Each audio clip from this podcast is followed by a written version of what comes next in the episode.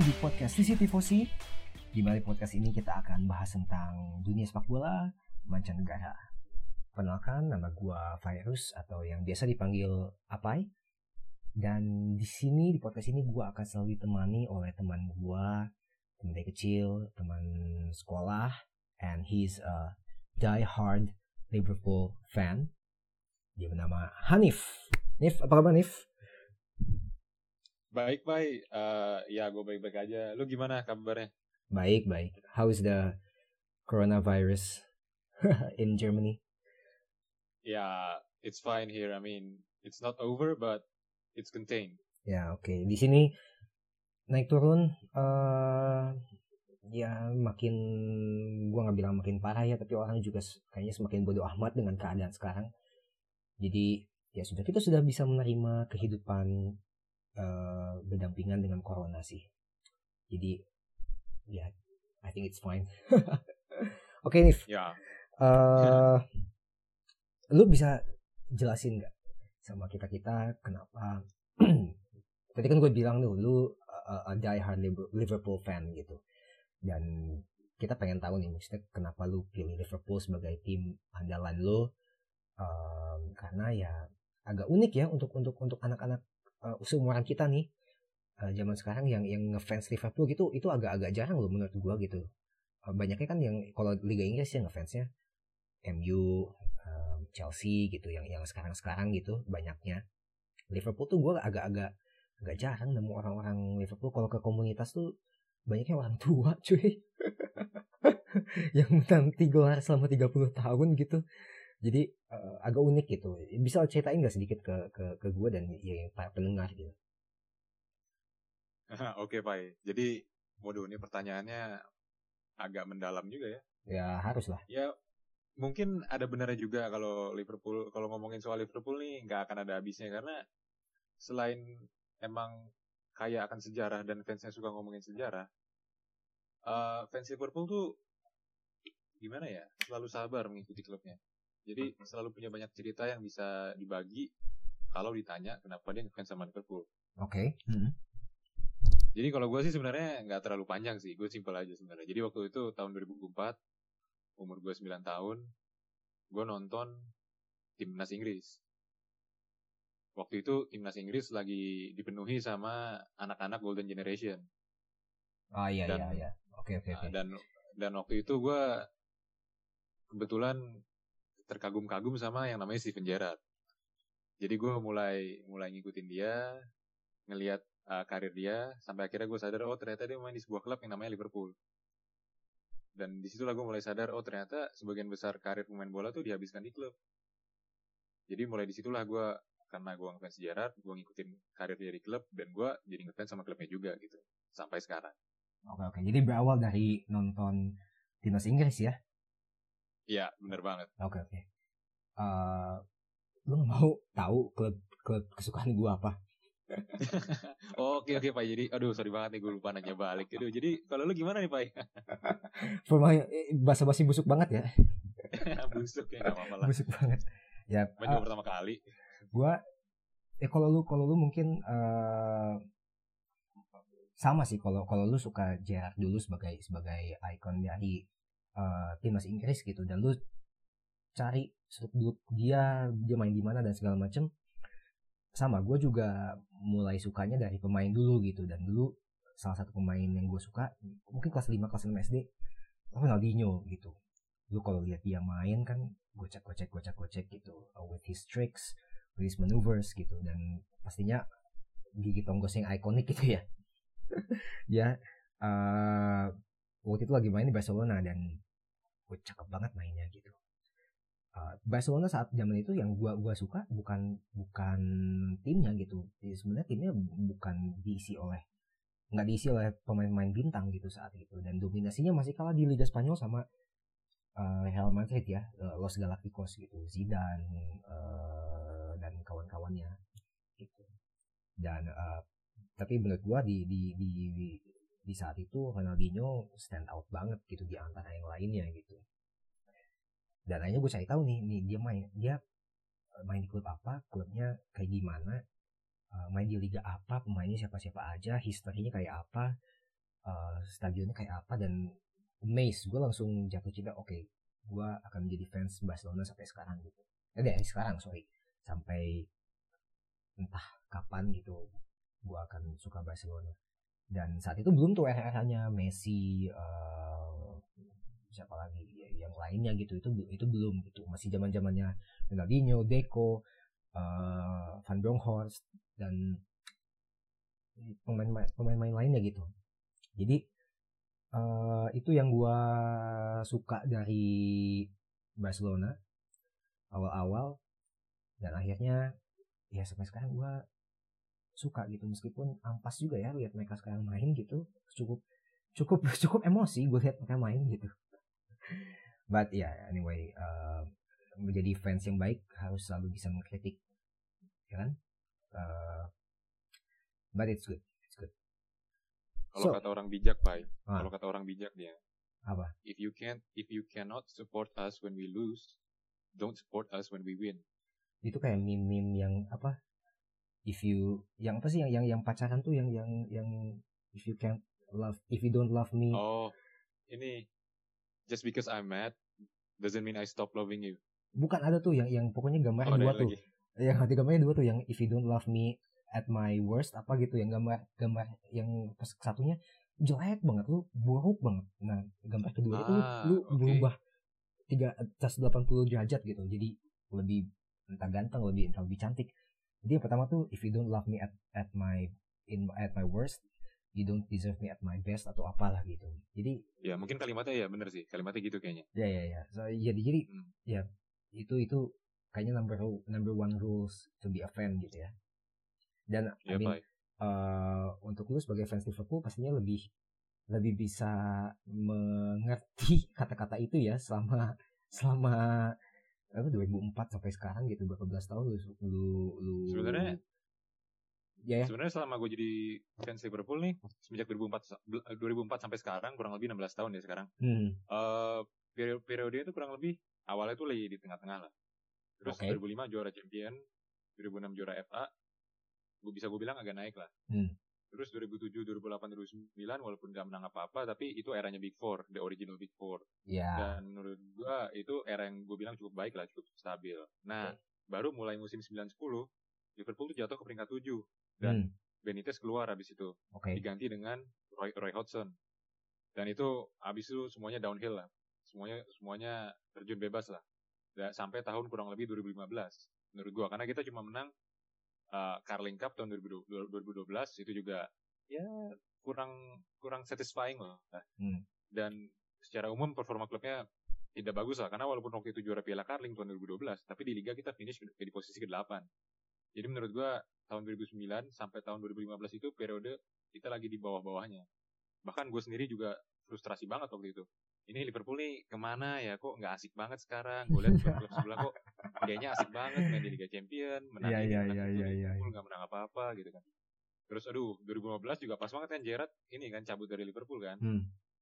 dia sebagai motivasi gue alasan utama gue ngefans sama Liverpool dan dia sekarang udah nggak ada dan Liverpool lagi jelek wah gue benar-benar hampir hampir lost hope lah waktu itu sampai akhirnya ya seseorang jadi manajer baru waktu itu uh, bulan Oktober 2015. The normal one. Ya, yeah, the normal one and yeah. the rest is history. history. Yeah, the, gitu like, kalau kata orang Pak. Oh yeah. Yeah, it's a good it's a good uh, it's a good time to be a Liverpool fan, but it's not a good time to be a Barcelona fan, in my opinion.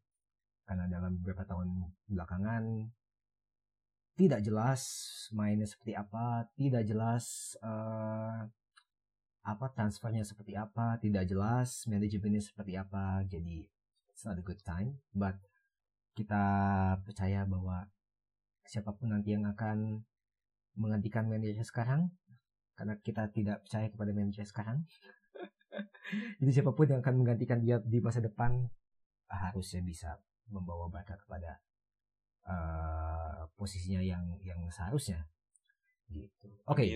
amin, amin so Well, we're gonna talk about the Champions League. It's back. The Champions League, it's back.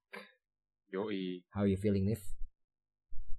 Ya, gue sih nggak terlalu excited ya, karena tim kesukaan gue udah keluar nih. Ya. Tapi ya gue sebagai fans bola tetap uh, inilah mengikuti lah. Ya gue tadi Karena mau gue ngomong, juga nikmat sepak bola gitu. gue tadi mau ngomong sih gitu. Kayaknya lu nggak, lu kayaknya nggak akan menikmati nih Champions League karena Liverpool nggak masuk gitu ya. Apalagi dengan dengan eh apa namanya eliminasinya juga nggak enak gitu caranya menurut gue. ya kalau Bener lu, lu lu bener banget pak, lu bener banget. Gue udah nggak bersemangat lagi ngikutin Champions yang satu ini karena selain karena memang udah bulan Agustus juga dan semuanya jadi satu leg dan juga tim gue udah nggak ada. Tapi itu bukan berarti gue nggak bisa dukung tim yang masih ada karena di di antara tim-tim yang masih ada menurut gue masih ada beberapa tim yang menurut gue exciting gitu untuk dilihat ya ya ya, dan ya gue layak setuju. layak buat didukung gitu loh. Ya gue setuju, gue setuju. Um, banyak underdog yang bisa kita tonton gitu dengan dengan permainan yang lebih menarik daripada klub-klub gede gitu menurut gue. Jadi Betul. uh, itu adalah daya tarik Champions League uh, musim ini gitu.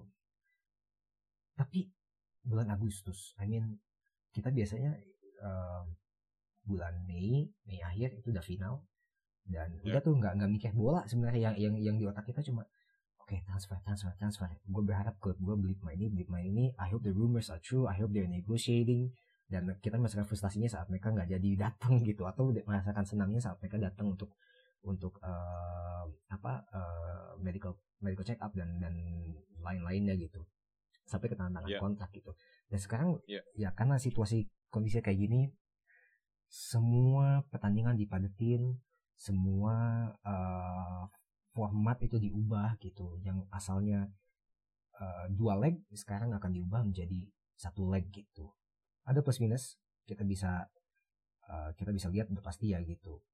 Sekarang tim-tim hanya punya satu chance untuk main dan memastikan mereka lolos ke babak ke babak berikutnya gitu. Secara psikologis secara mental juga itu udah pasti udah pasti beda dengan dengan dengan musim-musim sebelumnya gitu.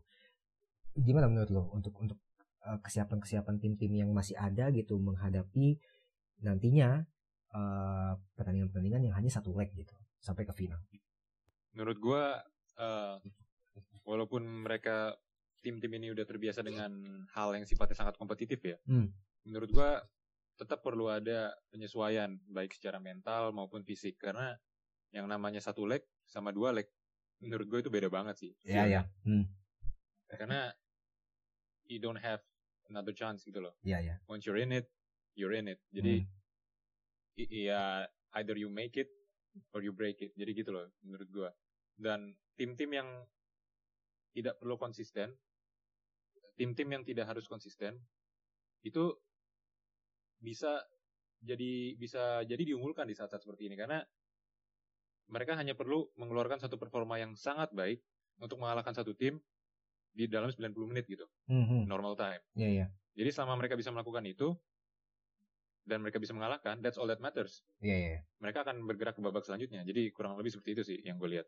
Iya iya iya, gue gue setuju juga bahwa sekarang kedalaman tim itu itu tidak tidak tidak tidak diunggulkan lagi untuk untuk untuk klub-klub gede ya pada pada sistem seperti ini gitu di mana mereka biasanya punya dua leg oke gue bisa mainin si A si B si C gue punya planning di leg kedua gue bisa ganti nih pemain atau gue bisa ganti skema dan segala macam now you only have this match you only have this chance to to to go through gitu. Dan uh, mau bagaimanapun juga lu harus lebih siap menurut gue daripada lu main dua leg gitu.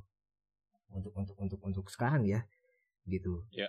jadi kalau gue bilang agak susah untuk memprediksi siapa yang akan lolos untuk siapa yang akan jadi juara gue udah bisa nebak. And I hope it's true. Tapi untuk untuk menilai siapa yang bisa lolos minimal ke babak berikutnya dan sampai ke semifinal itu agak agak agak sulit menurut gue Uh, lu bisa lihat Atalanta yang mainnya bagus gitu. Uh, mereka nggak- udah jarang sekali main di kompetisi Eropa dan sekarang saatnya buat mereka gitu untuk unjuk gigi lagi gitu di, di kompetisi Eropa gitu. Kita bisa lihat Lyon ada RB Leipzig dan mungkin kita bisa lihat Napoli masuk ke semifinal kita nggak tahu gitu. Mereka main cukup bagus lawan Barca di leg 1 gitu. Mereka kesusahan untuk bisa uh, nembus defense-nya. Solid banget gitu. Dan ya bakal lagi nggak bagus juga ya gitu. Jadi maybe in in this second leg uh, mereka bisa they can they can perform and they can get something out of the match gitu. Uh, we don't know tapi cukup menarik melihat bagaimana kompetisi ini berubah format gitu sekarang.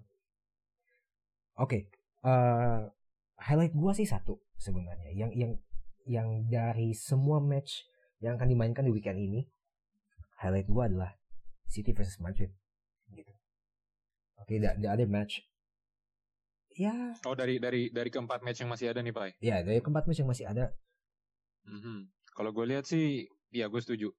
City, City Madrid sih. City Madrid masih menja mas sampai sekarang sih menurut gue kayaknya masih menjadi pertandingan yang seru gitu karena yang lainnya bukannya bukannya mendiskreditkan ya tapi this is the clash of uh, the big teams in their own respective leagues gitu. Madrid juara La Liga City juara Carabao Cup. ya kalau gue ngeliatnya sih karena dari antara di antara empat empat match yang masih ada ini, yang secara apa ya, secara modal dan secara apa yang mereka punya paling mirip kualitasnya itu adalah City dengan Madrid. Ya, the, terlepas dari performa masih terlepas dari performa masing-masing tim di leg pertama ya. Ya, ya, ya. Walaupun Lyon menang lawan Juve, tapi kita sama-sama tahu bahwa secara modal Juve jauh lebih jauh lebih baik daripada Lyon gitu. Ya dan, dan kalau untuk City dan Madrid hmm? mereka mempunyai ibaratnya ya punya modal yang sangat mirip lah. Iya. Seperti itu. You look at their squad, you look at their coaches, gitu, their managers. Lu expect pertandingan yang seru dari dari City Madrid gitu dan dan ya itu makanya kenapa mereka menjadi menjadi match yang ditunggu-tunggu atau yang akan ditonton banyak orang nanti weekend ini gitu. Tapi yeah. kalau lihat persiapan, gue kemarin melihat-lihat lah gitu persiapan antara dua tim ini, baik dari segi uh, squad, dari segi mentalitas mereka gitu. Kalau mentality wise, gue bisa bilang Madrid itu sedang di atas angin gitu. Baru saja menang La Liga, controversially. Oke. Okay. Of that. Uh, dan City mungkin agak dirugikan karena oke okay, mereka udah tahu mereka nggak akan bisa ngejar Liverpool di di di Premier League gitu. But in FA Cup mereka bisa kalah mengejutkan lawan Arsenal dan itu menurut gue udah cukup bisa bikin mereka ngedown untuk untuk untuk melawan Madrid gitu di di Champions League. Menurut lu gimana? untuk match ini kalau ya? gue ngeliatnya kalau gue ngeliatnya agak beda sih kebalik okay. sama lu justru oke okay. gue ngeliatnya justru di sini secara momentum ya mm-hmm. City itu lebih diuntungkan daripada Madrid kalau menurut gue karena okay. pertama mm. uh, uh, dari apa yang terjadi di uh, dom secara domestik ya. okay. Di Liga Inggris mereka tidak juara liga, kalah dengan Liverpool, rival terbesar dia saat ini. Mm, Oke. Okay. Dan juga dia kalah di FA Cup, tidak menang FA Cup gitu. Oke. Okay. Dan juga dia baru menang Carabao Cup yang bisa dibilang ya nggak penting lihat itu tidak terlalu signifikan lah iya yeah, nggak penting. Tapi tetap piala ya gue akuin lah. Oke. Okay. uh, eh, dan uh, Manchester City belum pernah menang Liga Champions. Okay. bener kan? Iya. Yeah.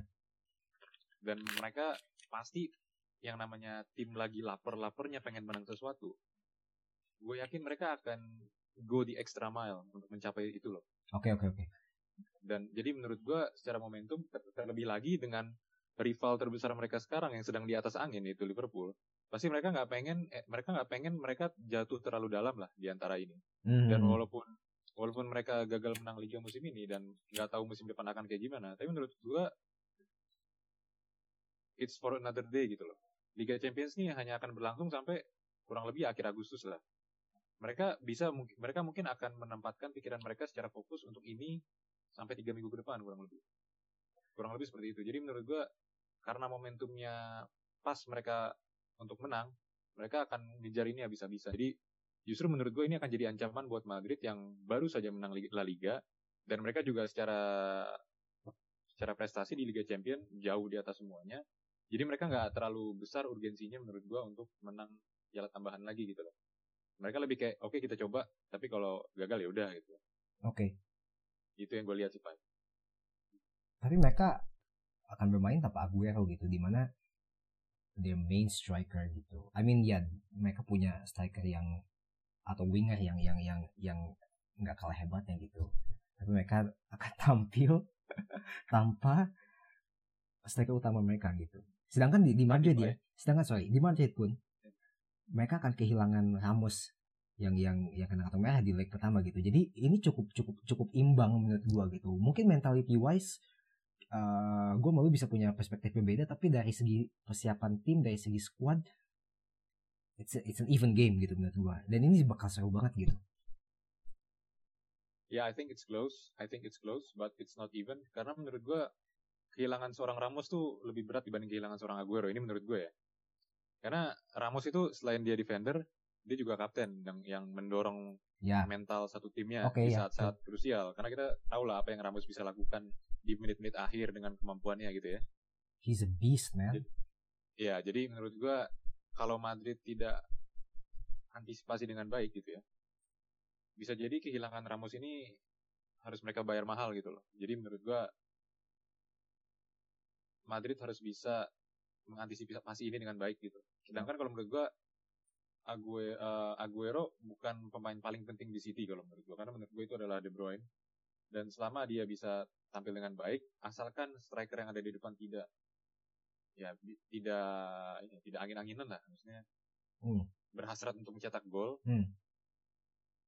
menurut gua City bisa membuat membuat membombardir Madrid dengan baik gitu tapi terbukti mereka susah Amin ngelawan tim-tim yang mungkin mungkin nggak selevel mereka aja gitu agak sulit tanpa Aguero gitu gua lihat ya dan uh, ini PR besar buat Pep sih um, gue untuk untuk mencari seorang seorang goal getter lagi gitu.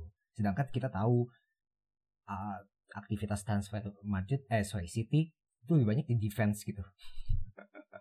Iya betul banget Pak. I mean it's it's you know angkanya ada di ada mungkin di sekitar 300 miliar 300 ya. 300 juta, juta juta pounds ya sorry 300 juta yeah. pounds only for defenders gitu. Yeah. Uh, tapi kita tahu bahwa oke okay, Pep likes to build his attacks uh, from the back gitu. Jadi dia dia menganggap posisi ini uh, posisi defender ini penting sekali untuk dia membangun serangan dari belakang gitu karena skema dia seperti itu gitu. Tapi it's it's a waste if you don't have a really good striker. Eh, ya uh, buat buat buat ini sih gua uh, I root for City gitu. Gua gua gua gue pengen City lolos sebenarnya. Karena uh, capek lihat Madrid menang Champions League terus ya. Dominasi mereka ya melelahkan gitu. Kayak lihat Munchen selalu mendominasi Liga Jerman. Sedangkan uh, Madrid selalu mendominasi Liga Champions. Jadi agak-agak agak capek. Tapi uh, it's a big loss for for for City menurut gua. Gitu. Jadi menurut lu gimana Pak? Output dari pertandingan ini? Gue pengen hmm, skor. Menurutku tipis. I think one nil. One nil would be enough. Away goals enough menurut gue tapi gue tahu City nggak akan cuma mengejar away goals gitu. Mereka mengejar goals lebih gitu. Yeah that makes sense. Yeah uh, I think it would be one one. Satu sama satu sama dan City lolos dan City lolos. Oke. Okay. Ya cukup menarik ya. Uh, ya. Harus nonton buat para pendengar juga mungkin ini adalah match yang paling sangat menarik. Sangat menarik ya, sangat paling menarik, menarik dari ya. dari uh, babak ini gitu dibandingkan yang lainnya. Menurut gue juga begitu. Oke, okay, sekarang ke match lain. Uh, gue akan bahas tentang Barca Napoli sebagai fans Barca. Sekarang kita ke sisi gue ya. Kasih gue sedikit. They are not convincing enough di mata gue. Gue gue se secinta-cintanya gue sama Barcelona. Gue lebih pengen lihat Napoli lolos. Mereka lebih kelihatan siap, lebih kelihatan uh, mateng wow. dalam timnya gitu. Lebih karena begini, gue nggak mau ini ini kesakit hatian gue sebagai fans Barca ya selama mungkin dua musim tiga musim terakhir. Oke, okay, kalah lawan PSG di leg pertama di leg kedua kita bisa comeback dengan skor yang fantastis gitu. Terus kita bisa menang besar lawan Roma di leg kedua kita kalah besar sama Roma gitu. Itu cukup sakit hati menurut gue jadi lihat Barca Napoli satu-satu lihat Napoli main lebih bagus gue nggak mau Barca lolos ke semifinal meskipun cuma satu leg tapi mereka kalah gitu lawan lawan tim lainnya. Gue nggak siap. Gue mending gue nggak siap mereka masuk final pun dan kalah gitu. Gue mending mereka masuk final dan juara gitu. Jadi mending oke okay, cut off sekarang aja. Mending lu mending lu mending kalah di sini ya? Mending kalah di sini gitu. Gue nggak siap lihat itu. Biar nggak uh, terlalu sakit hati apa ya? Iya.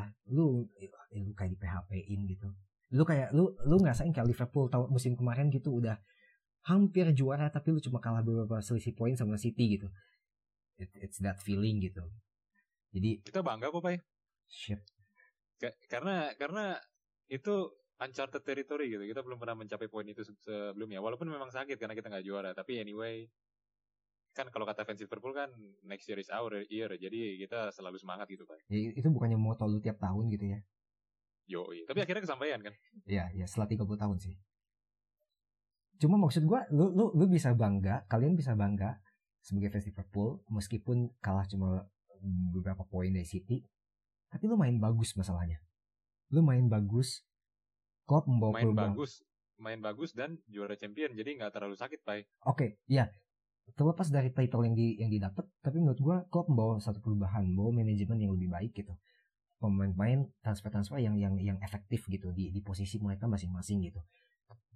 Gua nggak lihat gelagat itu dari Barcelona, jadi uh, wajar kalau kalau mungkin kita sedikit ya sakit hati gitu melihat mereka main seperti itu terus dikalahkan dengan skor besar nggak ada perubahan yang uh, signifikan di dalam manajemen atau di dalam tim gitu. Yang ada malah makin shoot turun sekarang gitu. Jadi uh, gua nggak mau sih mereka lolos dan nanti lawan antara Chelsea atau Bayern Munchen gitu. Kita will, will most likely face Bayern Munchen gitu dan kita tahu itu seperti apa gitu nanti matchnya. Jadi gue nggak mau mereka gue nggak mau lihat mereka dibantai lagi sama Bayern Munchen.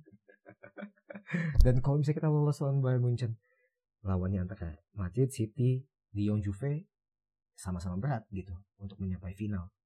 Jadi uh, melihat kesiapan tim mereka lah melihat squad mereka sekarang gue nggak mau mereka lolos. Udah mending sekarang aja mending lu kalahin. We start next year uh, sorry next season with maybe some new fresh players a new uh, fresh uh, tactics uh, whatever gitu. Itu yang itu yang gue pengen gitu. Mungkin fans Barca yang lain lebih pengen mereka lolos dan uh, menang atau gimana gitu. Karena gue personally kalau mereka sampai menang Champions League Barcelona musim ini gue nggak senang senang amat gitu. Gue nggak senang senang amat. ada hal yang lebih besar lagi apa ya? Hal lebih besar gitu. Um, kayak gini mereka lolos ke babak berikutnya mereka ke final mereka menang. Dengan kondisi off the pitch-nya uh, sungguh kacau gitu ya dan mereka nggak akan belajar dari situ. Justru ini akan diangkat-angkat terus oke okay, kita dengan dengan squad seperti ini kita bisa menang gitu. Mereka gak akan berbenah di situ gitu. Jadi mending oke okay, cut off sekarang lu berbenah gitu dalam lu gimana lu korek-korek lalu orang-orang yang nggak pentingnya orang-orang uh, toksiknya atau pemain-pemain yang nggak perform bagus gitu lu mending buang gitu. dan uh, restart gitu next season gitu with with with a fresh start gitu gue gua lebih pengen begitu sebagai fans Barca sekarang gitu komprehensif juga ya pembahasan soal Barca ini ya. karena sebagai sebagai fans dari kecil tentunya ini menurut gue bukan waktu yang ya, bukan waktu yang terbaik lah buat jadi fans Barca. Dan gue bisa mengerti itu lah. Iya, iya, iya. You've had 16 years. iya. Dan gue mungkin sekarang bakal lebih ke Napoli aja bahasnya ya. Karena ya Barca udah di cover sama lu lah. Oke. Okay. Kalau menurut gue sih Napoli ini tim yang sangat tricky ya. Gue sendiri nggak nggak jujur aja gue nggak terlalu ngikutin performa mereka di di Serie A. Ya, Tapi sama. gue tahu persis gue tahu persis dari dari musim ke musim performa mereka tuh tidak konsisten. Pernah sekali mereka challenging for the title, tapi Indian hmm. selalu kalah sama Juve. Ya, ya, Dan ya. Ter, terkhususnya lagi musim ini, mereka finish di peringkat ketujuh. dengan 62 poin di mana poin tersebut terpaut 18 poin dari posisi Liga Champion. Jadi mereka otomatis bisa dibilang underwhelming lah musim ini. Mereka tidak tampil sesuai harapan. Iya. Mereka kalah 12 kali, seri 8 kali. Hmm. Ya tentunya itu nggak cukup lah buat jadi tim yang pengen main di Liga Champion secara konsisten.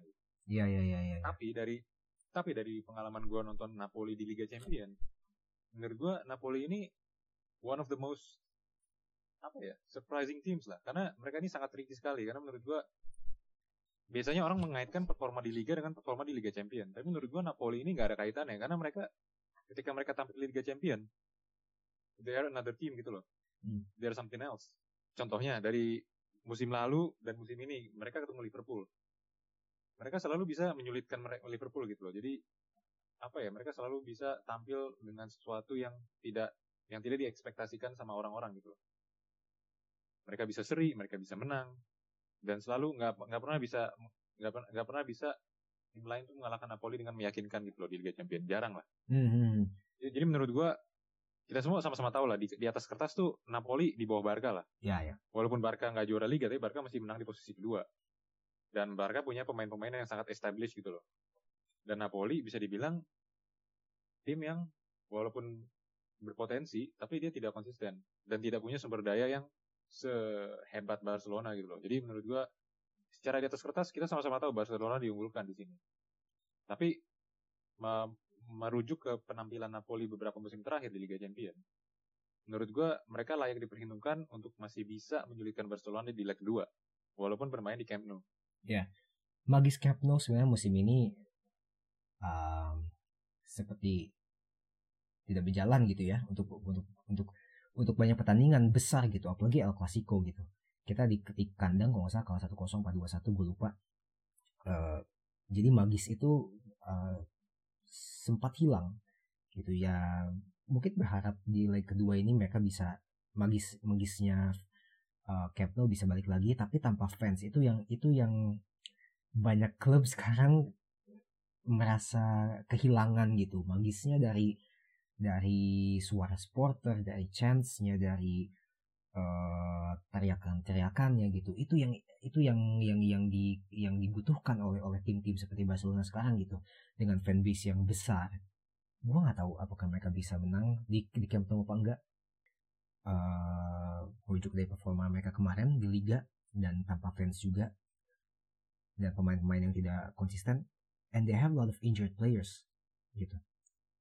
They have a lot of injured players jadi gua nggak tahu Ya. akan bagaimana mereka akan uh, tampil gitu nanti gitu. Prediksi line up uh, pasti ada gitu. Gua gua udah gua udah memprediksikan tapi sebe- seberapa efektif line up itu bisa mengalahkan Napoli gitu. Yang kita tahu they are very solid in their defense. Gila lu lu lu Gattuso pintar banget menurut gua dia dia uh, pelatih yang yang underrated ya menurut gua gitu ya. Dia dia baru sih gitu tapi he's really underrated gitu. Meskipun Napoli nggak bisa sampai ke posisi Champions League di Serie A tapi Gattuso really did well gitu untuk bawa Napoli sampai ke babak ini gitu. Dan bisa menahan Barca satu-satu di di di Napoli sendiri gitu. Itu cukup sulit gitu. Dan melihat performa uh, apa defense mereka yang solid yang yang yang menyulitkan Barcelona itu cukup hebat menurut gue dan gue pengen sih mereka lolos gue pengen lihat mereka sampai semana bisa bisa perform bisa bisa bagus gitu. Apalagi ini lawannya exciting gitu. Kalau mereka lawan Munchen gue pengen lihat bagaimana Munchen bisa bisa bobol gawang mereka gitu.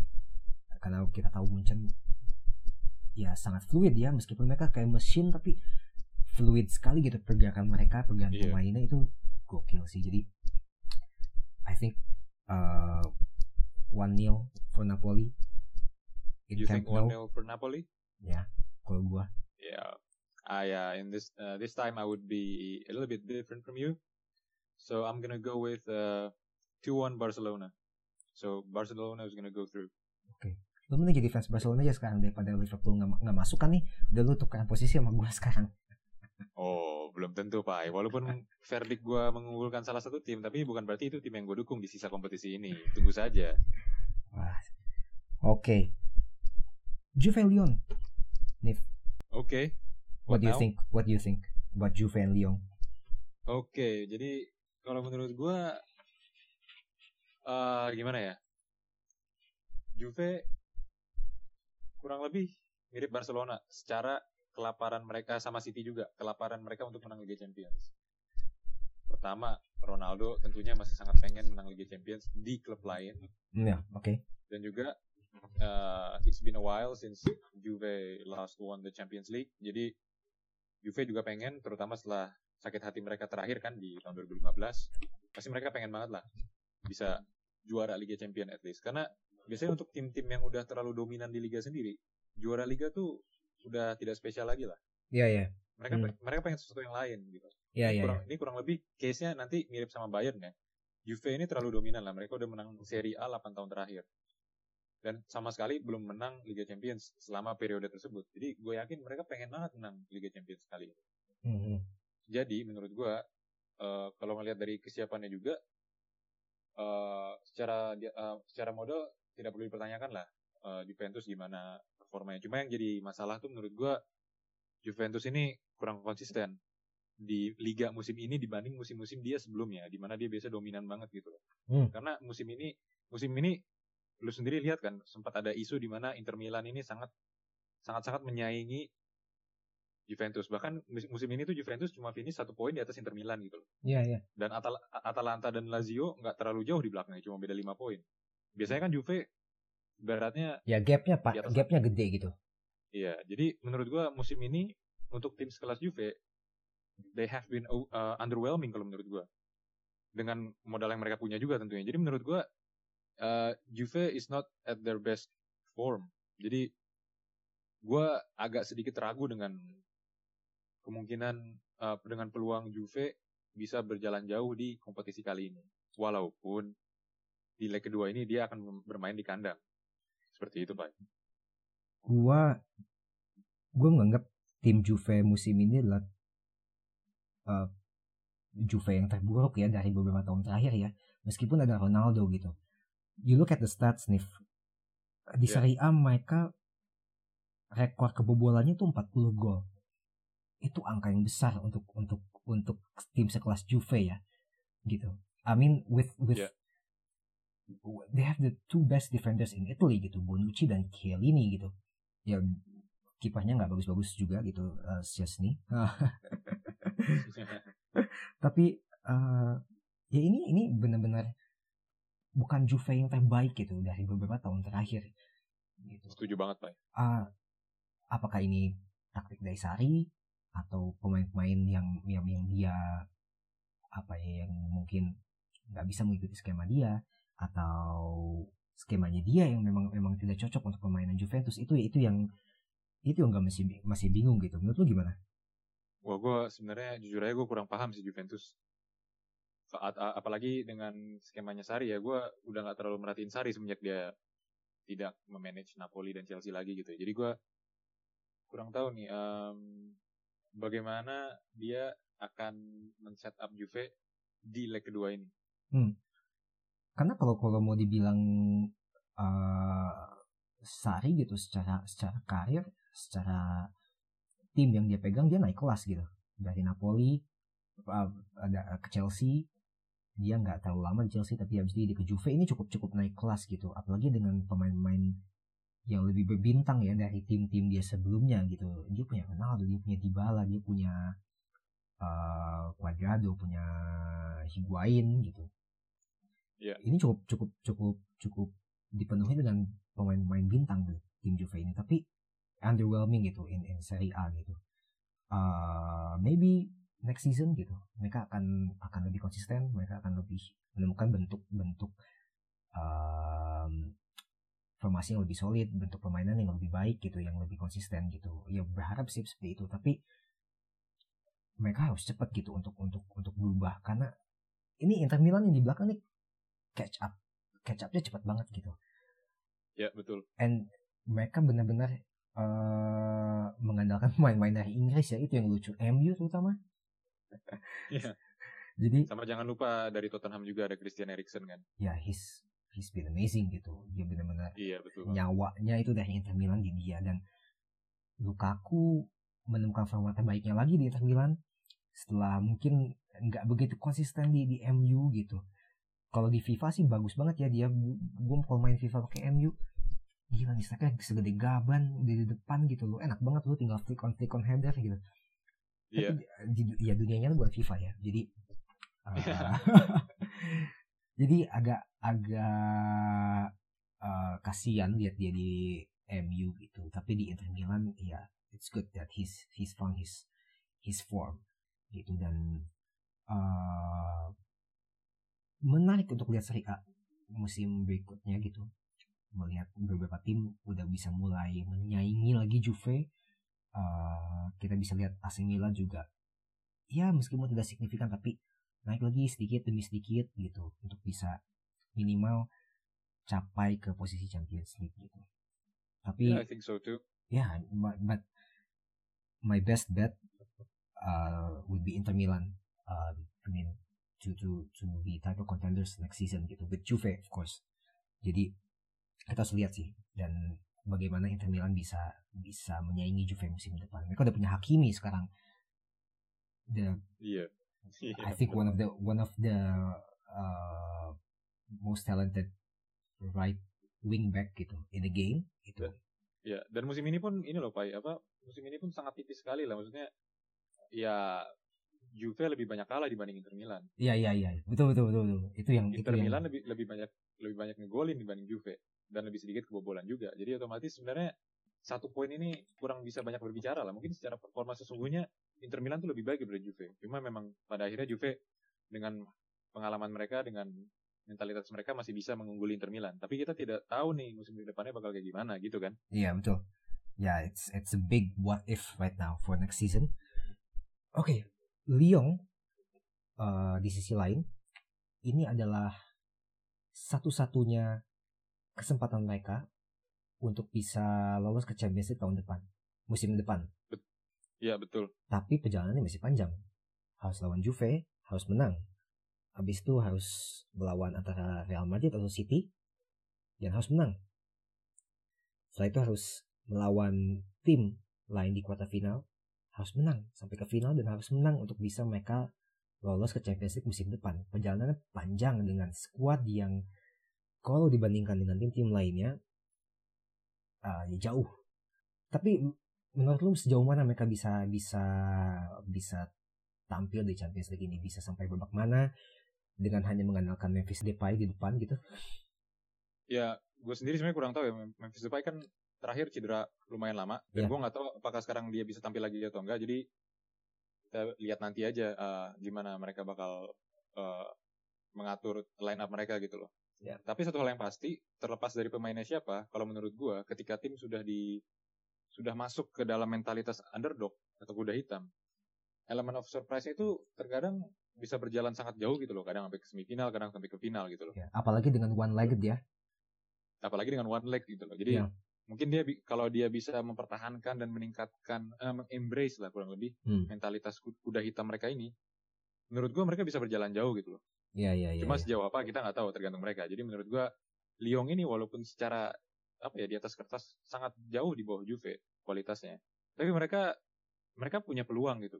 Terlebih lagi sebenarnya mau bagaimanapun juga yang namanya keunggulan di leg satu mereka menang itu tetap sebuah keunggulan gitu. Walaupun Iya. cuma satu kosong dan mereka sekarang main di kandang Juve. Hmm. Jadi mereka hanya butuh seri aja sebenarnya. Iya iya iya. Makanya butuh seri ya.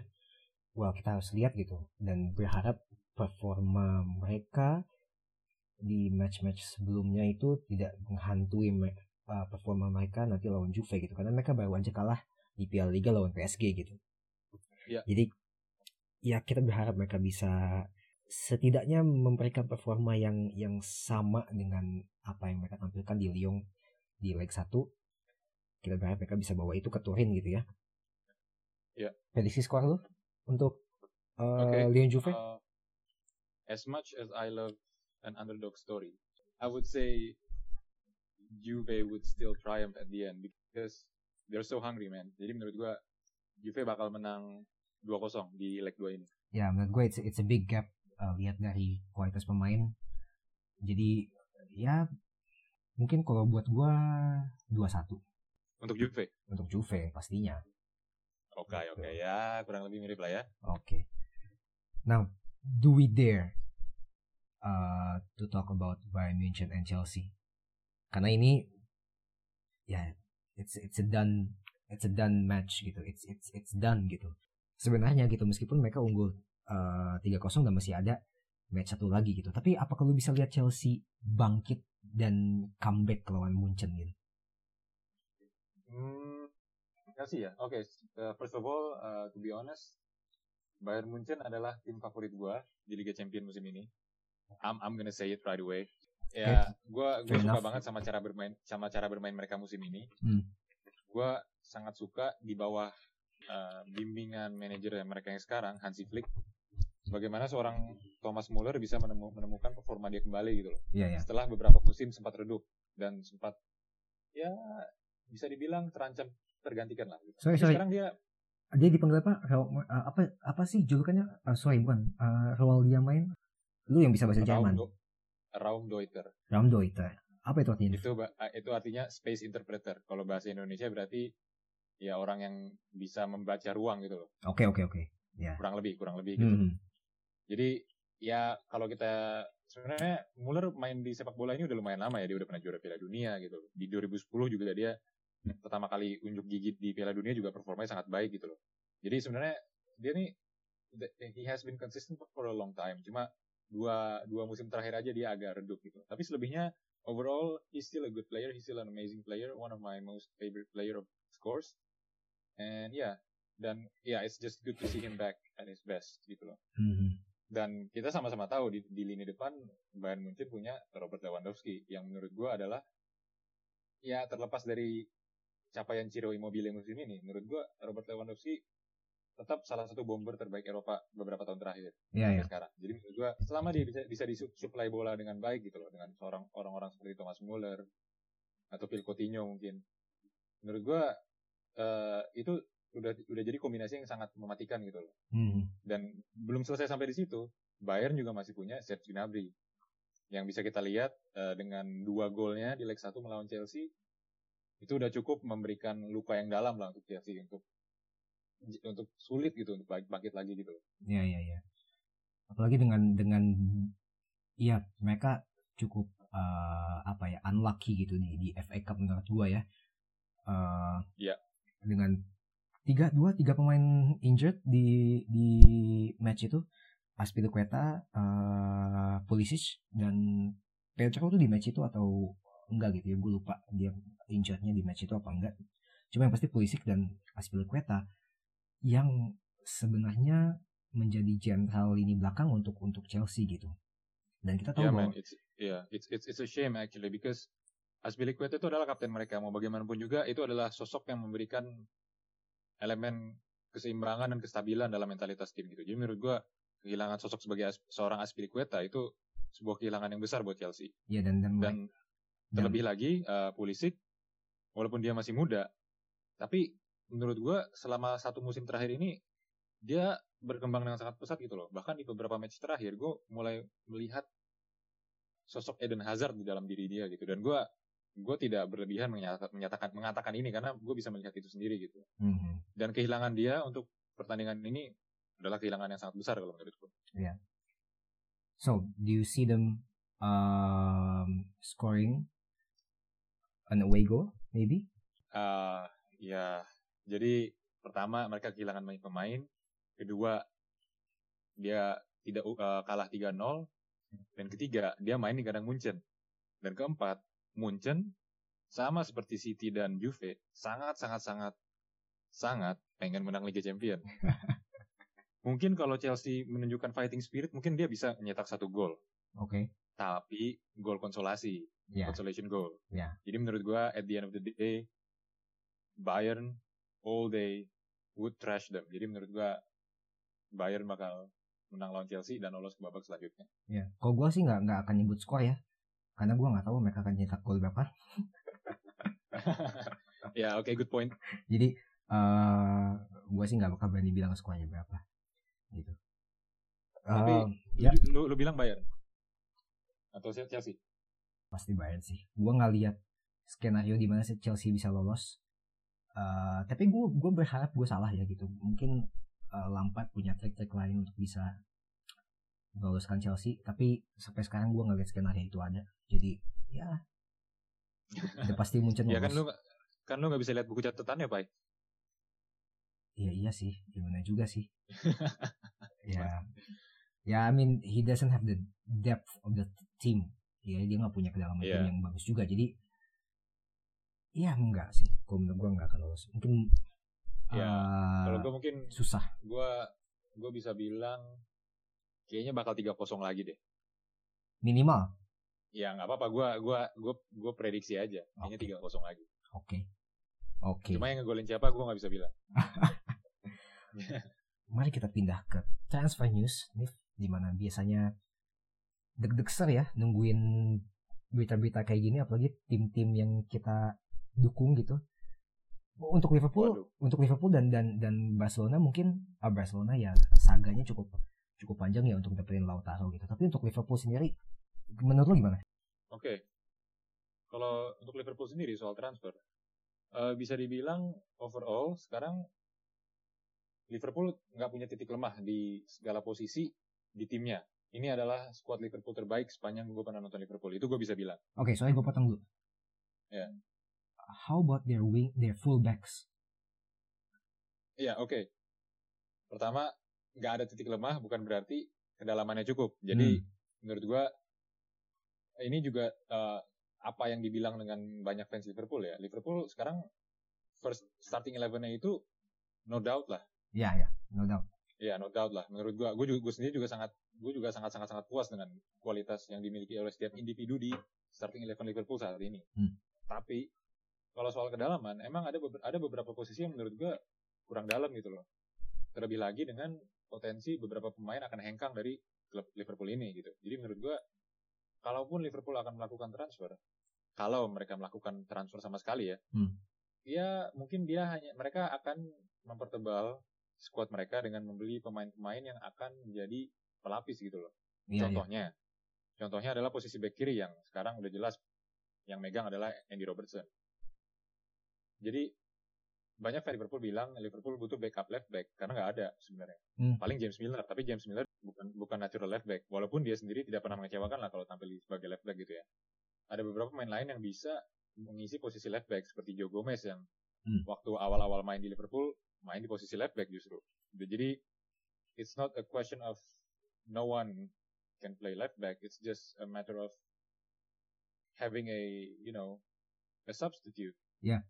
A pure a pure left back as a substitute. Jadi menurut gua itu yang akan menjadikan fokus yaitu posisi left back dan mungkin gue bisa langsung ini ya langsung masuk ke rumor yang beredar. Jadi sebenarnya kalau dari forum fans Liverpool sendiri beberapa hari terakhir tuh lagi ramai memperbincangkan left backnya Norwich City yaitu namanya Jamal Lewis. Jamal Lewis.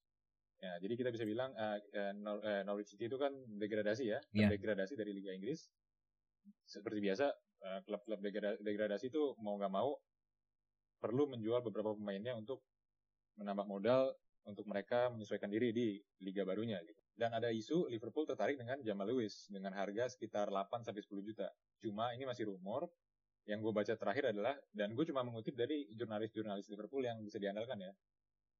Da- eh, seperti James Pierce dan Melissa Reddy gitu. Jadi mereka bilang interest dari Liverpool tuh ada, cuma yang namanya negosiasi, eh, namanya deal tuh belum ada. Jadi eh, ya kita sama-sama nunggu aja apakah Liverpool interestnya konkret dan akan sampai ke meja negosiasi dan apakah Norwich akan menerima harga segitu gitu loh. Jadi kurang lebih seperti itu. Kalau misalnya itu benar-benar terjadi, kalau menurut gue sih ini adalah sebuah pembelian yang sangat baik bagi Liverpool ya, karena itu hanya akan mempertebal squad Liverpool dari dari segala posisi karena posisi left back ini yang masih yang masih bisa dibilang kurang tebel lah gitu. Iya, iya. Jadi kalau ada Jamal Lewis, Jamal Lewis sendiri menurut gua pemain muda yang sangat berpotensi yang bisa sangat berkembang lah dan Klopp sendiri juga secara reputasi dia sangat berpengalaman dengan me- membimbing pemain dari bukan siapa-siapa Iya, iya, iya. menjadi siapa-siapa itu sepanjang karirnya dia melakukan itulah. Iya, iya. Ya, bahkan Andy Robertson sendiri dulu dibeli, dibeli dari Hull yang baru aja degradasi. Iya. Gini Wijnaldum dibeli dari Newcastle yang baru degradasi. Iya. Dan Shaqiri dibeli dari Stoke yang baru degradasi. Ya, ya banyak lah ceritanya gitu loh. Iya ya. Jadi gue sendiri nggak meragukan lagi Klopp mau beli siapa. Gue cuma yang jadi concern gue adalah apakah Liverpool benar-benar akan membeli dia atau tidak gitu. Kalau iya bagus, kalau tidak ya sebaiknya beli seseorang lah untuk mempertebal squad. Jadi kurang lebih seperti itu. Ya apalagi dengan dengan jadwal-jadwal tim Liga Inggris yang sebenarnya mengikuti banyak kompetisi ya. Kita bisa lihat uh, kita bisa bilang Carabao Cup, uh, FA Cup, belum Premier League yang yang jadwalnya padat. Belum lagi akan tampil Champions League uh, musim depan gitu Liverpool. Jadi memang kedalaman squad sangat dibutuhkan dan menurut gua scouting tim scouting Liverpool itu cukup pinter, cukup jeli untuk lihat pemain-pemain muda dan gue nggak tahu apa appealnya untuk lihat pemain pemain-pemain degradasi ya gue gue pasti maksudnya uh, pasti ada satu dua gitu. Dan dan maksudnya tim Liverpool tuh cukup cukup cukup pintar untuk melihat-lihat itu gitu. Satu bandrol harga tidak akan terlalu tinggi gitu. Pem, uh, mereka udah pasti percaya pemain yang yang muda dan uh, mungkin belum apa-apa tapi bisa dikembangkan gitu menjadi pemain yang hebat gitu. Jamal Lewis mungkin bisa menjadi pelapis yang baik gitu atau uh, memberikan uh, apa ya uh, persaingan yang ketat untuk untuk untuk untuk posisi left back gitu. Uh, ya kita lihat Robertson kayak enakan juga ya gitu. Main terus main terus main terus gitu. Nggak ada competition di di di posisi dia gitu. Dan datangnya Jamal Lewis mungkin bisa memberikan persaingan yang uh, lebih ketat gitu untuk Robertson di posisi itu. Iya, benar banget, Pak. Tiago karena sampai, Oh, seka- deng- sampai sekarang umur Tiago juga ya? sampai sekarang uh, gue tadi baru baca they o- they've only been interested in Thiago no uh, offers yet. Belum ada apa ya official bid nggak ada apa-apa. Baru Liverpool me, uh, resmi me, apa mengutarakan bahwa mereka interested untuk uh, membeli Thiago dan Thiago sendiri merespon dengan dia juga interested untuk untuk bekerja di bawah Klopp gitu loh. Tapi selain itu belum ada official uh, bid gitu. Dan ini cukup cukup lucu ya dari dari Liverpool menurut gua. Karena contender mereka City itu udah beli dua pemain sampai sekarang. Nathan uh, Ake dan Ferran Torres gitu. Iya. sedangkan Liverpool belum Dengan, de- dengan dengan harga yang tidak murah. Untuk Nathan iya untuk Ferran gue bisa bilang itu oke justify lah 20 million itu oke gitu Oh, 20 20 million. Oke, ya, ya. 20 Gua 20 lupa 25 harganya. 20 25 million gitu se- sekitar itu untuk Oke. seorang defender yang baru saja timnya degradasi 40 sekian juta gitu itu cukup gila Iya. dan dan dan Liverpool nih belum belum gerak nih maksudnya baru interest interest interest interest sedangkan official bidnya belum gitu Uh, Oke. mungkin lu bisa kasih kasih kasih insight di situ gitu sebagai fans. Liverpool Kalau menurut gue ya, I mean, I could be wrong in this, but as much as I would love it to happen, I don't see it happening. oke kenapa You? Oke, oke, oke, gitu ya kurang lebih ya. Jadi menurut gua dari bertahun-tahun gua mengamati pola klub membeli dan menjual pemain. Hmm. Menurut gua satu kalimat cukup menggambarkan filosofi dia dalam transfer window ya. oke Dia, sel- dia, dia, dia pernah bilang ini berkali-kali dan gua mengquote dan gua translate ke bahasa Indonesia. Eh, selama masih ada pemain yang berkualitas di squad kita atau memiliki kualitas yang sesuai harapan kita, kita tidak akan membeli pemain baru. Itu filosofi dia. Oke. Dan dia juga eh, menurut gua salah satu hal yang selalu dia tonjolkan adalah just because we can doesn't mean we should. Jadi walaupun kita bisa beli bukan bukan berarti kita harus beli gitu loh. Mhm. We don't buy for the sake of buying gitu loh. Jadi kita nggak beli cuma karena kita harus beli gitu. oke Kurang lebih seperti itu. ya ya ya Jadi unless it's super urgent, dia nggak akan beli. Tapi gue ngelihat ada beberapa perubahan di pola klub jual beli pemain, ter- terutama dua tahun terakhir ya. Hmm. Terutama semenjak Coutinho pergi dengan harga yang fantastis. Habis itu Klopp langsung mendatangkan Van Dijk. Mungkin di sini faktor uang juga bermain, tapi mungkin di sana Klopp bener-bener ngejar pemain yang bener-bener dia pengen.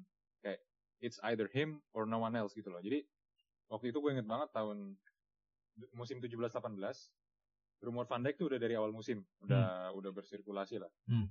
Tapi sampai uh, jendela transfer berakhir Van Dijk nggak dibeli. Coutinho masih dipaksa di Liverpool. Sampai akhirnya Desember Coutinho akhirnya cabut, Liverpool langsung beli Van Dijk gitu. Jadi bukannya malah dia nyari alternatif center back lain waktu masih bulan Agustus. Dia mending nunggu sampai Desember buat beli Van Dijk gitu. Jadi menurut gua ketika Klopp ini sudah convince ya, sudah yakin dengan salah satu pemain, dia akan ngejar pemain itu gitu loh, Mhm. ke mana pun dia pergi gitu. Ya ya. Dan satu hal lagi, Klopp juga bisa beradaptasi sama kondisi-kondisi urgent. Contohnya, setelah final Liga Champions tahun 2018, di mana Liverpool kalah 3-1 da- dari Real Madrid, tentunya mungkin kita semua masih ingat apa yang terjadi malam itu ya. Oh, Ya, fucking fucking ya. Loris Karius. Eh sorry Karius. Ya, jadi Klopp sendiri walaupun dia terkenal orang yang sangat nge-backup pemainnya, tapi ketika udah datang suatu momen di mana pemain ini sudah bisa tidak bisa di-backup lagi, dia tidak akan segan-segan untuk mengganti pemain tersebut gitu loh. Ya ya gue ingat tuh. Dan li- Klopp tidak segan-segan, tidak ragu untuk membeli Alisson yang ketika itu katanya bisa dibeli dengan harga 66 juta. Hmm. Dan keluarlah duit 66 juta itu untuk membeli Alisson, diterima Roma, Alisson datang ke Liverpool. Dan udah, Karius out of the question, tidak pernah diperbincangkan lagi gitu. Ya ya ya. Ya, Dan ya. mungkin mungkin nggak banyak orang tahu ya bahwa sekarang tuh Karius tuh masih pemain Liverpool loh terdaftar gitu loh. L- ya, he- he's he's loaned out ya. Dia pinjemin doang kan. Iya dipinjamkan dan udah dan udah cabut juga dari klub pinjamannya dan dia limbo sekarang nggak tahu Oke oke. nggak tahu sekarang masa depannya gimana gitu. Jadi kurang lebih, jadi klub tuh walaupun dia nge-backup pemainnya, tapi dia juga bisa ruthless gitu loh. Hmm, hmm. Kurang lebih seperti itu. Nah menurut gua, itu beberapa kondisi ekstrim yang udah terjadi beberapa tahun terakhir di eh, dunia transfer Liverpool ya. Dan menurut gua, semenjak Liverpool juara mus- eh, musim lalu dan musim ini, sejauh ini nggak ada kondisi di mana pemain ini benar-benar harus diganti atau belum ada gue dengar klub nyebut salah satu pemain atau rumor klub menginginkan suatu pemain yang benar-benar akan dikejar sampai ujung dunia gitu. Iya iya iya. Not e- not even Werner ya, walaupun waktu itu kita dengar ya. Iya iya. Nah, jadi menurut gua it's either they're gonna buy some backup players Hmm. or they're not gonna buy anyone at all. Kalau menurut gua sih gitu. Iya iya iya. Mungkin mungkin Unless any eh, unless someone leaves ya. Iya ya. Um, gua nggak tahu pendanaan Liverpool sekarang seperti apa ya gua- yang yang gue yang gua tangkap sih ya pasti mereka uh, cukup menghasilkan duit yang yang yang besar gitu ya dibandingkan tim-tim lain gitu. Cuma uh, mungkin secara dana untuk transfer mungkin tidak akan sebesar dulu karena mereka cukup jor-joran uh, setahun dua tahun ke belakang gitu dan mereka baru aja buat fasilitas training yang baru gitu ya. Mereka kan pin Betul. mereka berapa puluh tahun ya di Melwood dan sekarang harus pindah ke Kirkby kalau nggak salah. Betul banget, Pak. Iya Hebat. dan oh I did my research man. Dan it's the state of art uh, training facility gitu. Dan itu makan duit gede banget. Dan musim depan ya mereka akan mulai itu ya. Akan mulai pakai facility itu ya. Dan ya duitnya ke kepake ke situ gitu. Jadi gua nggak tahu pendanaan untuk transfer bagaimana gitu. Sedangkan uh, tim-tim Premier League uh, sepertinya sedang sibuk untuk transfer gitu. Tadi gua udah sebut City udah datengin uh, Ake udah datengin uh, Ferran Torres dan disebut-sebut bahwa Pep sedang mengincar lima pemain ya gitu. Uh, mungkin dua itu sudah, tiga lagi ini yang kita nggak tahu sektor mana yang yang dia akan terkuat gitu. Uh, menurut gua mungkin tengah ya pengganti uh, Fernandinho yang yang sering cedera dan uh, kalau center back mungkin sudah ada. Oke. Mungkin striker gua nggak tahu tapi kita nggak tahu isi Pep tuh kayak gimana ya kadang-kadang agak-agak agak bingung juga gitu pinter lah gitu. Iya. jadi uh, lima pemain yang dia incar gitu. Di situasi kayak gini di mana klub sangat sangat sangat sangat sangat meminimalisir pembelanjaannya City malah jor-joran gitu. Ya kita tahu duit mereka adalah duit duit duit uh, Unlimited ya. ya, unlimited gitu. Mungkin nggak berseri gitu. Tapi ini menakutkan menurut gua gitu. Eh, itu untuk City gitu Ya. Chelsea udah bisa dapat Ziyech udah bisa bisa dapat eh, Timo Werner ini Ya. modal yang bagus sekali buat gua cuma sayangnya Willian yang mungkin akan hengkang Uh, Iya. ya lucunya adalah dia kemungkinan besar akan pindah ke klub London juga gitu Uh, ke Arsenal dan gua nggak tahu Iya, sam- ada ada ada rumornya ya dia mau ke Arsenal ya. ada rumornya dan untuk beberapa jurnalis atau beberapa kabar yang beredar di Inggris adalah sebenarnya the- he, he's an Arsenal player already because Arsenal tahun ini udah bekerja sama dengan PES ya uh, Pro Evolution Soccer gitu untuk timnya Ya. jadi jadi mereka akan menjadi uh, klub yang diunggulkan di PES gitu dan di, di sedikit uh, promo videonya itu terlihat uh, new signings mereka memakai baju Arsenal dan salah satunya ada William gitu ditulis pun namanya gitu di situ dan ini cukup cukup heboh gitu dan Oh gitu. sekarang gitu ya itu yang itu yang uh, kita sedang menunggu konfirmasi gitu kemungkinan Menarik juga. maybe next week gitu Kalau kalau kalau memang betul berarti Arsenal ini adalah retirement home-nya Chelsea ya. Setelah David Luiz ke sana bisa jadi ya. bisa jadi gitu ya they need they need him menurut gua Arsenal sangat butuh William gitu karena tidak konsistennya Pepe uh, dan bi- mungkin bisa menjadi uh, tandem yang bagus juga untuk Lacazette atau Aubameyang gitu di depan gitu. Ya Frankie will Menur- menur- Menurut gue juga di umur segitu William kayaknya mungkin tidak apa-apa untuk jadi backup kali ya. nggak apa-apa. Atau mungkin starter? We'll see gitu next season if he's really an Arsenal player gitu. Kita akan nunggu beritanya mungkin weekend ini atau kemungkinan minggu depan gitu uh, di saat official statementnya bisa keluar kita akan nunggu itu. Karena itu menjadi transfer yang menarik gitu untuk untuk untuk Chelsea. Selain itu Lampard juga punya concern yang besar terhadap uh, pemain-pemain belakang dia. Kita, kita bisa lihat bahwa Alonso sebenarnya nggak dapat tempat nggak dapat kepercayaan yang penuh dari dari Lampard gitu. Uh, ya kalau mau dibilang dia sangat baik hanya saat dipegang oleh Conte. Setelah itu ya dia nggak bisa nemuin performanya lagi. Di sini masuk nama Chilwell dan Ya. gue pengen lihat itu. Uh, it's a big loss for Leicester of course if they manage to lose Chilwell gitu. Tapi kita tahu bagaimana Leicester dikasih duit banyak itu bisa dapat pemain uh, yang yang yang yang cukup baik juga gitu. Mungkin nggak selevel dengan yang dijual, tapi seenggaknya bisa develop dengan bagus gitu di tim itu gitu. Kita bisa lihat Yuri Tillman di situ yang sekarang jauh jadi pemain yang yang yang, yang bagus gitu di Ya. Premier League gitu dan gue pengen lihat kalau Chilwell jadi ke Chelsea duit itu akan jadi apa gitu akan jadi siapa pemain-pemainnya gitu di, di Leicester itu apalagi di bawah asuhan Brendan Rodgers yang bisa merevive performa Leicester lagi hampir masuk Champions League sayangnya. Enggak gitu sayangnya enggak sayangnya kalah sama MU gitu. Tapi it's Iya exciting. ya. it's exciting to see. Dan satu lagi Kepa gitu.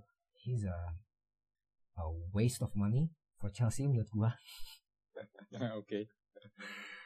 eh ya gol-gol mereka bisa di bisa dibilang apa banyak kesalahan-kesalahan dari Kepa tidak se se apa ya selevel dengan bandrol harga dia gitu menurut gua Ya. gitu Mhm. jadi uh, it's exciting to see whether he leaves or he stays kalau dia pergi siapa yang akan dibawa oleh Lampard ke Stamford Bridge kemungkinan Oblak itu rumor terbesarnya Uh, ada rumor Ya. juga Dean Henderson mereka akan ambil itu dari MU Ya. dan uh, kalau misalnya mereka pun bawa goalkeeper goalkeeper ini gitu apa nasibnya Kepa Ya. gitu dengan bandrol harga segitu apakah dijual dijual juga siapa yang mau dalam kondisi sekarang mau beli gitu dengan tahu performa dia seperti itu gitu itu yang uh, susah diprediksi ya di di situasi seperti sekarang gitu Uh, Iya, itu betul. yang itu yang susah menurut gua, gitu. Chelsea kan termasuk klub yang paling apa ya? Tidak segan-segan untuk menggantikan seorang pemain apabila, apabila dia dianggap tidak layak lagi gitu ya. ya the Dan dia boss. juga punya duit yang juga punya duit yang banyak ya, punya uang, punya modal yang banyak gitu Iya. Chelsea. Jadi menurut gua kalau Chelsea sebagai klub memutuskan Kepa sudah tidak layak lagi menjadi nomor satu di Chelsea, ada kemungkinan besar dia bisa mendatangkan kiper baru meskipun mahal gitu ya. Mhm. Ya, Dan ya. tentunya menurut gua dengan kedatangan Werner dan Ziyech ini udah mem- akan membuat gimana ya? Lini depan Chelsea ini sangat mengerikan gitu loh. Iya. Ditambah dengan Pulisic dan juga eh, ada juga pemain-pemain muda seperti Tammy Abraham dan Mason Mount walaupun mereka juga masih berkembang tapi menurut gua talenta mereka tuh tidak diragukan lagi gitu. Ya mereka Jadi cukup, menurut cukup gua- mereka cukup established gitu di depan situ. Ya, jadi menurut gua unless they sort out their defense and not only that juga gimana mereka bermain dalam skema bertahan Hmm. karena Chelsea ini Chelsea ini termasuk salah satu klub yang memiliki catatan terburuk Ya. dalam mem- mempertahankan set piece ya. Hmm. Defending set piece gitu. Ya Jadi betul betul. se- selain butuh pemain-pemain bagus, dia juga butuh ibaratnya pembenahan dari dalam lah dalam skema bertahan gitu ya. Jadi menurut gua ketika Chelsea bisa menyelesa- eh, menyelesaikan masalah-masalah ini, menurut gua they're gonna be a major force next season. Top 4 megang lah ya. I think so. Ya top 4 megang sih menurut gua dan dan gua sangat menanti mereka tampil di Champions League musim depan. Eh, ya diharapkan mereka akan tampil lebih baik daripada musim ini gitu. Tapi uh, ya it's exciting to watch them. Nggak, gua nggak sabar sih lihat mereka. Depannya gila gitu. Apalagi kalau mereka bisa dapetin Havertz ya. Itu itu wah udah komplit gitu. Tapi we'll see karena belum ada uh, berita resmi untuk untuk uh, Kai Havertz ke Chelsea. Tapi gue berharap mungkin dia bisa pindah dan naik kelas lah istilahnya gitu ke klub yang lebih lebih lebih besar gitu daripada Bayer Leverkusen gitu. Mengerikan juga ya. mengerikan juga Oke. gitu. Dan MU yang dikabarkan akan mendatangkan Jadon Sancho dengan bandrol 108 juta pound sterling. Duit Ya. yang duit yang bukan main-main gitu ya untuk untuk seorang pemain yang di bawah umur 23 tahun kualitasnya tidak tidak usah diragukan lagi gitu. Ah, Ya. Cuma untuk MU menggelontorkan duit segitu. Apakah perlu menurut lu? Atau mending Eh. atau, atau mending mereka membeli pemain yang di ya di kisaran 50 60 juta eh, tapi ya kualitasnya tipis-tipis sama Sancho. Ya kalau kualitasnya tipis-tipis sama San- Sancho ya mending beli yang lebih murah sih. Iya. Cuma ya gue sendiri kurang tahu ya apakah ada seorang pemain yang dengan kualitas gitu dengan harga 50 sampai 60 karena menurut gue pasti sekarang pemain-pemain bintang atau, atau pemain-pemain yang terkenal itu pasti harganya naik semua gitu. But do Dan- they need him? Do they need him? I I would say I think they do. Oke. Karena, Karena Oke, jadi gini, eh, MU itu kan di beberapa bulan terakhir musim ini semacam mengalami suatu revival lah ya kurang lebih. Iya. Ah, cuma emang mereka sangat mengandalkan performa-performa dari beberapa individual gitu loh, seperti Bruno Fernandes, Hmm. Anthony Martial, Marcus Rashford. Hmm. Dan walaupun beberapa pemain lain itu sangat underwhelming, seperti David De Gea, Iya. Harry Maguire, Hmm. ya dan dan beberapa yang lain lah ya. Jadi menurut gua eh, kalau MU pengen nih meng, apa ya, pengen membuat diri mereka sebagai seorang major force lagi di Liga Inggris. Menurut gua mereka perlu melakukan apa ya, me- melakukan pe- pembenahan di beberapa lini gitu, termasuk lini depan. Walaupun lini depan ini bukan satu-satunya lini yang harus mereka benahi gitu. Karena Hmm. menurut gua jauh lebih krusial lini belakang mereka Oke. gitu. Iya iya. Jadi iya. menurut gua they need Sancho, but not only him. They also need some other players, especially in defense. Iya iya. Kalau mereka ngeluarin 108 juta itu yang diminta oleh eh, Dortmund ya. Gitu. Kalau mereka Iya. ngeluarin tuh duit, mereka mau ada duit dari mana lagi untuk beli pemain di lini lain gitu ya. Karena sulit gitu buat gua dengan kondisi kayak gini. Mereka harus lepas beberapa pemain gitu dan siapa yang mau dilepas? Sampai sekarang pemain-pemain yang selalu menjadi pemain inti itu sudah cukup established gitu di, di game plan-nya eh, Solskjaer gitu. Pertama, kalau menurut gua MU bisa mendatangkan Dean Henderson. Satu. Ya, ya oke. Kalau kalau dia mau me- me- mencari pengganti De Gea, De Gea ya, Hmm. dan tidak mau beli siapa-siapa lagi ya Dean Henderson dengan performa dia bisa dijadikan pertimbangan lah. Ya, dan Karena Dean Henderson menur- menurut gua tak musim ini the best English goalkeeper sih kalau menurut gue. Ya dia ada pemain pemain MU juga sebenarnya ya. Iya betul makanya mereka tidak perlu mengeluarkan uang lagi gitu. Iya. Lalu um, mungkin dia MU masih butuh sekitar dua tiga pemain lagi lah di lini belakang dan lini tengah ya. Iya. Dan tentunya dua tiga pemain asumsi kualitas mereka baik dari klub yang established gitu ya. Hmm. Harganya nggak akan murah. Jadi menurut gua kalau udah ngeluarin duit segitu buat Sancho, ngeluarin duit yang besar untuk dua tiga pemain lagi nggak nggak nyampe sih buat MU kalau menurut gua. Jadi menurut gua mungkin dia hanya akan beli satu dua pemain dengan harga mahal tapi udah itu aja atau enggak beli tiga mungkin tapi harganya nggak semahal itu. Iya. Karena menurut gue riskan kalau kalau mereka mereka tuh minim kreativitas ya menurut gue ya dan saat Bruno Fernandes datang tuh memang kayak Mesias gitu. Itu yang itu yang itu yang benar-benar membantu mereka gitu. Saat apes-apesnya Bruno nggak bisa main, entah itu cedera atau akumulasi kartu, mereka mau mau mau andelin siapa gitu. Jadi backupnya Bruno itu menurut gue penting gitu. Mungkin Sancho bisa main sih, tapi he's a winger. Gitu kita tahu dia di, di Dortmund itu nggak main dia dia dia ke tengah iya tapi bukan mainly dia main di situ gitu loh gua nggak tahu apakah dia akan diubah role-nya kalau dia ke MU gitu untuk menjadi tandemnya Fernandes gitu atau enggak cukup menarik yeah. dilihat cuma sampai saat ini belum ada uh, kesepakatan karena MU nggak mau ngeluarin duit segitu dan yeah. tapi mereka masih mengejar uh, dan dan sepertinya kalau misalnya Dortmund mau transferannya akan dibikin uh, installments ya semacam cicilan gitu. Itu yang itu yang sepertinya akan akan di akan diajukan oleh MU dan uh, add-onsnya juga banyak gitu karena mereka main di Champions League uh, musim yeah. depan. Jadi sepertinya akan ke arah situ. Tapi kita lihat apakah Dortmund mau melepas superstarnya atau enggak gitu untuk saat ini. Yeah. untuk untuk goalkeeper gue setuju uh, Henderson is the best English goalkeeper gitu uh, sekarang Nick Pope udah nggak ada papanya sekarang Nick yeah, he's he's still good he's still good just eh. not not as good as people imagine him to be sorry sorry bukan Nick Pope uh, kiper Everton Pickford Pickford, Pickford. Pickford. Oh, kalau itu ya, kalau itu ya gue setuju. Ya, Pickford sorry. Ya, Dean Henderson the best English goalkeeper dan menurut gue sayang kalau kalau kalau MU nggak nggak apa ya nggak nggak mainin dia gitu untuk musim depan. Sayang kalau mereka harus meminjamkan dia lagi ke klub lain gitu. Karena ini ini aset nih. Nggak jangan di ke mana-manain lagi gitu. Tapi berita yang terbaru juga mereka interested untuk mendapatkan Kasper Michael. Gitu. Itu yang okay. itu yang itu yang lucu gitu. Ya mungkin karena sentimen bapaknya dulu main di situ gitu ya.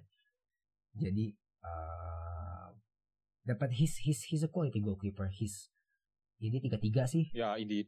Ya indeed, indeed. dia dia tiga tiga tapi kita bisa lihat goalkeeper tuh justru mereka performanya adalah saat mereka di umur tiga puluhan gitu. Tiga tiga tiga tiga tiga empat tiga lima itu itu kayaknya performa performa terbaik mereka gitu. Setahun dua tahun mungkin bisa gitu di MU menjadi uh, top choice atau menjadi uh, lapis DGA gitu. Tapi pelapis yang sangat baik menurut gua. Jadi interesting untuk lihat kondisi goalkeeper di MU sekarang. Gue berharap Senin tuh gue baca berita udah ada kayak oke okay, ini dandil ini dandil dandil ke sini sini sini sini sini sini dan menjawab pertanyaan-pertanyaan kita gitu. Itu sih. Yeah. Terakhir sebelum kita menutup episode ini nih kita udah bahas okay. kesiapan Champions League transferan sampai saat ini gue mau ngajak lo main game Uh, sebenarnya game ini simple aja sebenarnya cuma tebak-tebakan prediksi di Champions League ada lima poin yang gua tulis yang bisa kita tulis prediksinya ya satu adalah top scorer dari okay. dari Champions League dua adalah finalis ya di finalis nanti kita harus tulis dua tim yeah. lalu ada comebacks ya. Jadi kita harus tulis match yang mana yang kemungkinan timnya bisa comeback gitu. Dan marginnya harus ya. dari uh, minimal dua gol ya. Jadi satu tim ini ketinggalan dua gol mereka bisa mem- membalikan keadaan jadi 3-2 misalnya itu bisa kita bilang comeback gitu. Jadi Oke. itu. Oke. Kedua ada eh sorry tadi keberapa gue udah nggak lupa ngitung. Kesekian adalah kuda hitam. Nah ini cukup menarik nih. Kuda hitam ini kita harus lihat dari uh, pot potnya tim-tim Champions Champions League sekarang gitu Oke. yang dibilang kuda hitam itu hanya tim-tim yang ada di pot ketiga dan pot keempat ya which is Ya. uh, pot kedua dari bawah dan pot yang paling terakhir gitu nah sekarang di di sisa match ini match Champions League yang ada di pot 3 dan 4 hanya ada tiga tim jadi pilihan kita cuma antara Atalanta Olympic Lyon dan RB Leipzig oke kita harus pilih salah satu dari tiga itu satu lagi itu berita terheboh dari seputar Champions League. Ini random ya, bisa on and off the pitch. Mau itu uh, pemecahan pelatih, drama tim atau apa pun itu atau injury, apa pun itu ini bebas gitu. Dan Ya. ya pikir, biarkan pikiran liar kita yang bermain di sini. Dan semoga benar gitu. Oke, siap. Oke, itu itu udah lima kayaknya. Satu lagi, uh, tentu saja prediksi juara kita. Ini satu tim aja, siapa pun gitu. Kayaknya kita udah tahu siapa yang siapa yang lu pilih gitu ya, karena lu udah bilang. Jadi Oh iya, eh, nggak apa-apa sih gitu. nggak apa-apa, Iya. nggak apa-apa, lanjut aja. Tapi kalau lu ganti ganti jawaban, kesel sih gua. Gitu ya. Cuma demi menang ini, lu ganti jawaban, kesel sih. Nah oke, Eh, sekian poin ini kita tulis, tapi kita keep. Gua nggak boleh tahu poin-poin lu, lu nggak boleh tahu poin-poin gua. Gitu. Oke? kita akan buka ini saat nanti episode di mana kita cover tentang final Champions League. Ya mungkin sekitar 3-4 minggu ke depan ya. Gitu Oke, siap. dan ya yang yang banyak prediksinya benar menang nggak ada hadiah sih Nif cuma pride aja mungkin Iya. Menunjukkan kredibilitas kita aja sebagai seorang podcaster ya. iya iya, yang yang yang amatir dan baru mulai Ya, Oke, boleh boleh. oke kalau Oke, ini ya oke. kalau ini ya dinilai seru sama kita kita akan bawa ini ke Premier League mungkin ya Boleh, dengan, boleh. dengan poin-poin Why yang not? dengan poin-poin yang eh, bisa ditambah gitu Se- September kan mulai Premier League Mhm, ya. Ya.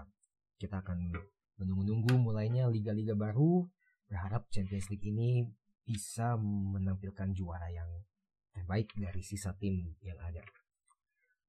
Oke, Oke. sekian untuk episode ini kita udah cover cukup banyak. Uh, Nif, thank you as always. Uh, kita ketemu minggu depan untuk hasil-hasil dari match yang akan dimainkan minggu ini dan kita akan cover match-match berikutnya di podcast minggu depan. Oke, Nif? Ya, sama-sama, Pai. Oke, thank you uh, buat semuanya yang sudah mendengar. Gua Virus, Gua Hanif. kita ketemu lagi minggu depan.